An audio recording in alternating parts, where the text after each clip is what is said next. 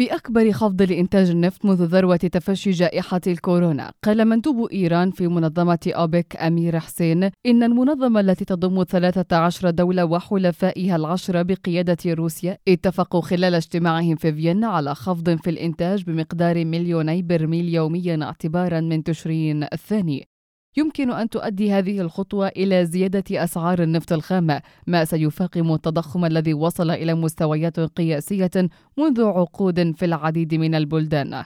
الأمر الذي سيساهم بتباطؤ الاقتصاد العالمي. كما يمكن أن يعطي دفعة لروسيا قبل حظر الاتحاد الأوروبي لمعظم صادراته من نفطها في وقت لاحق من هذا العام ومحاولة مجموعة الدول السبع للحد من أسعار النفط وناشد الرئيس الأمريكي جو بايدن شخصيا القادة السعوديين في تموز لزيادة الإنتاج من أجل كبح الأسعار التي ارتفعت مع بدء الغزو الروسي لأوكرانيا في شهر شباط وأعلن بعد قرار خفض الإنتاج عن خيبة أمل وقال إن إدارته تتشاور مع الكونغرس حول أدوات وآليات إضافية لتقليص تحكم تحالف الدول المنتجة للخام في أسعار الطاقة. أسعار النفط كانت قد تراجعت في الأشهر الأخيرة بفعل القلق من تضاؤل الطلب والمخاوف من ركود عالمي محتمل. كان التحالف المعروف باسم أوبك بلس قد قام بخفض كبير في الإنتاج بنحو 10 ملايين برميل يوميا في نيسان عام 2020 ما أنهى الانخفاض الهائل في أسعار النفط الناجم عن عمليات الإغلاق خلال تفشي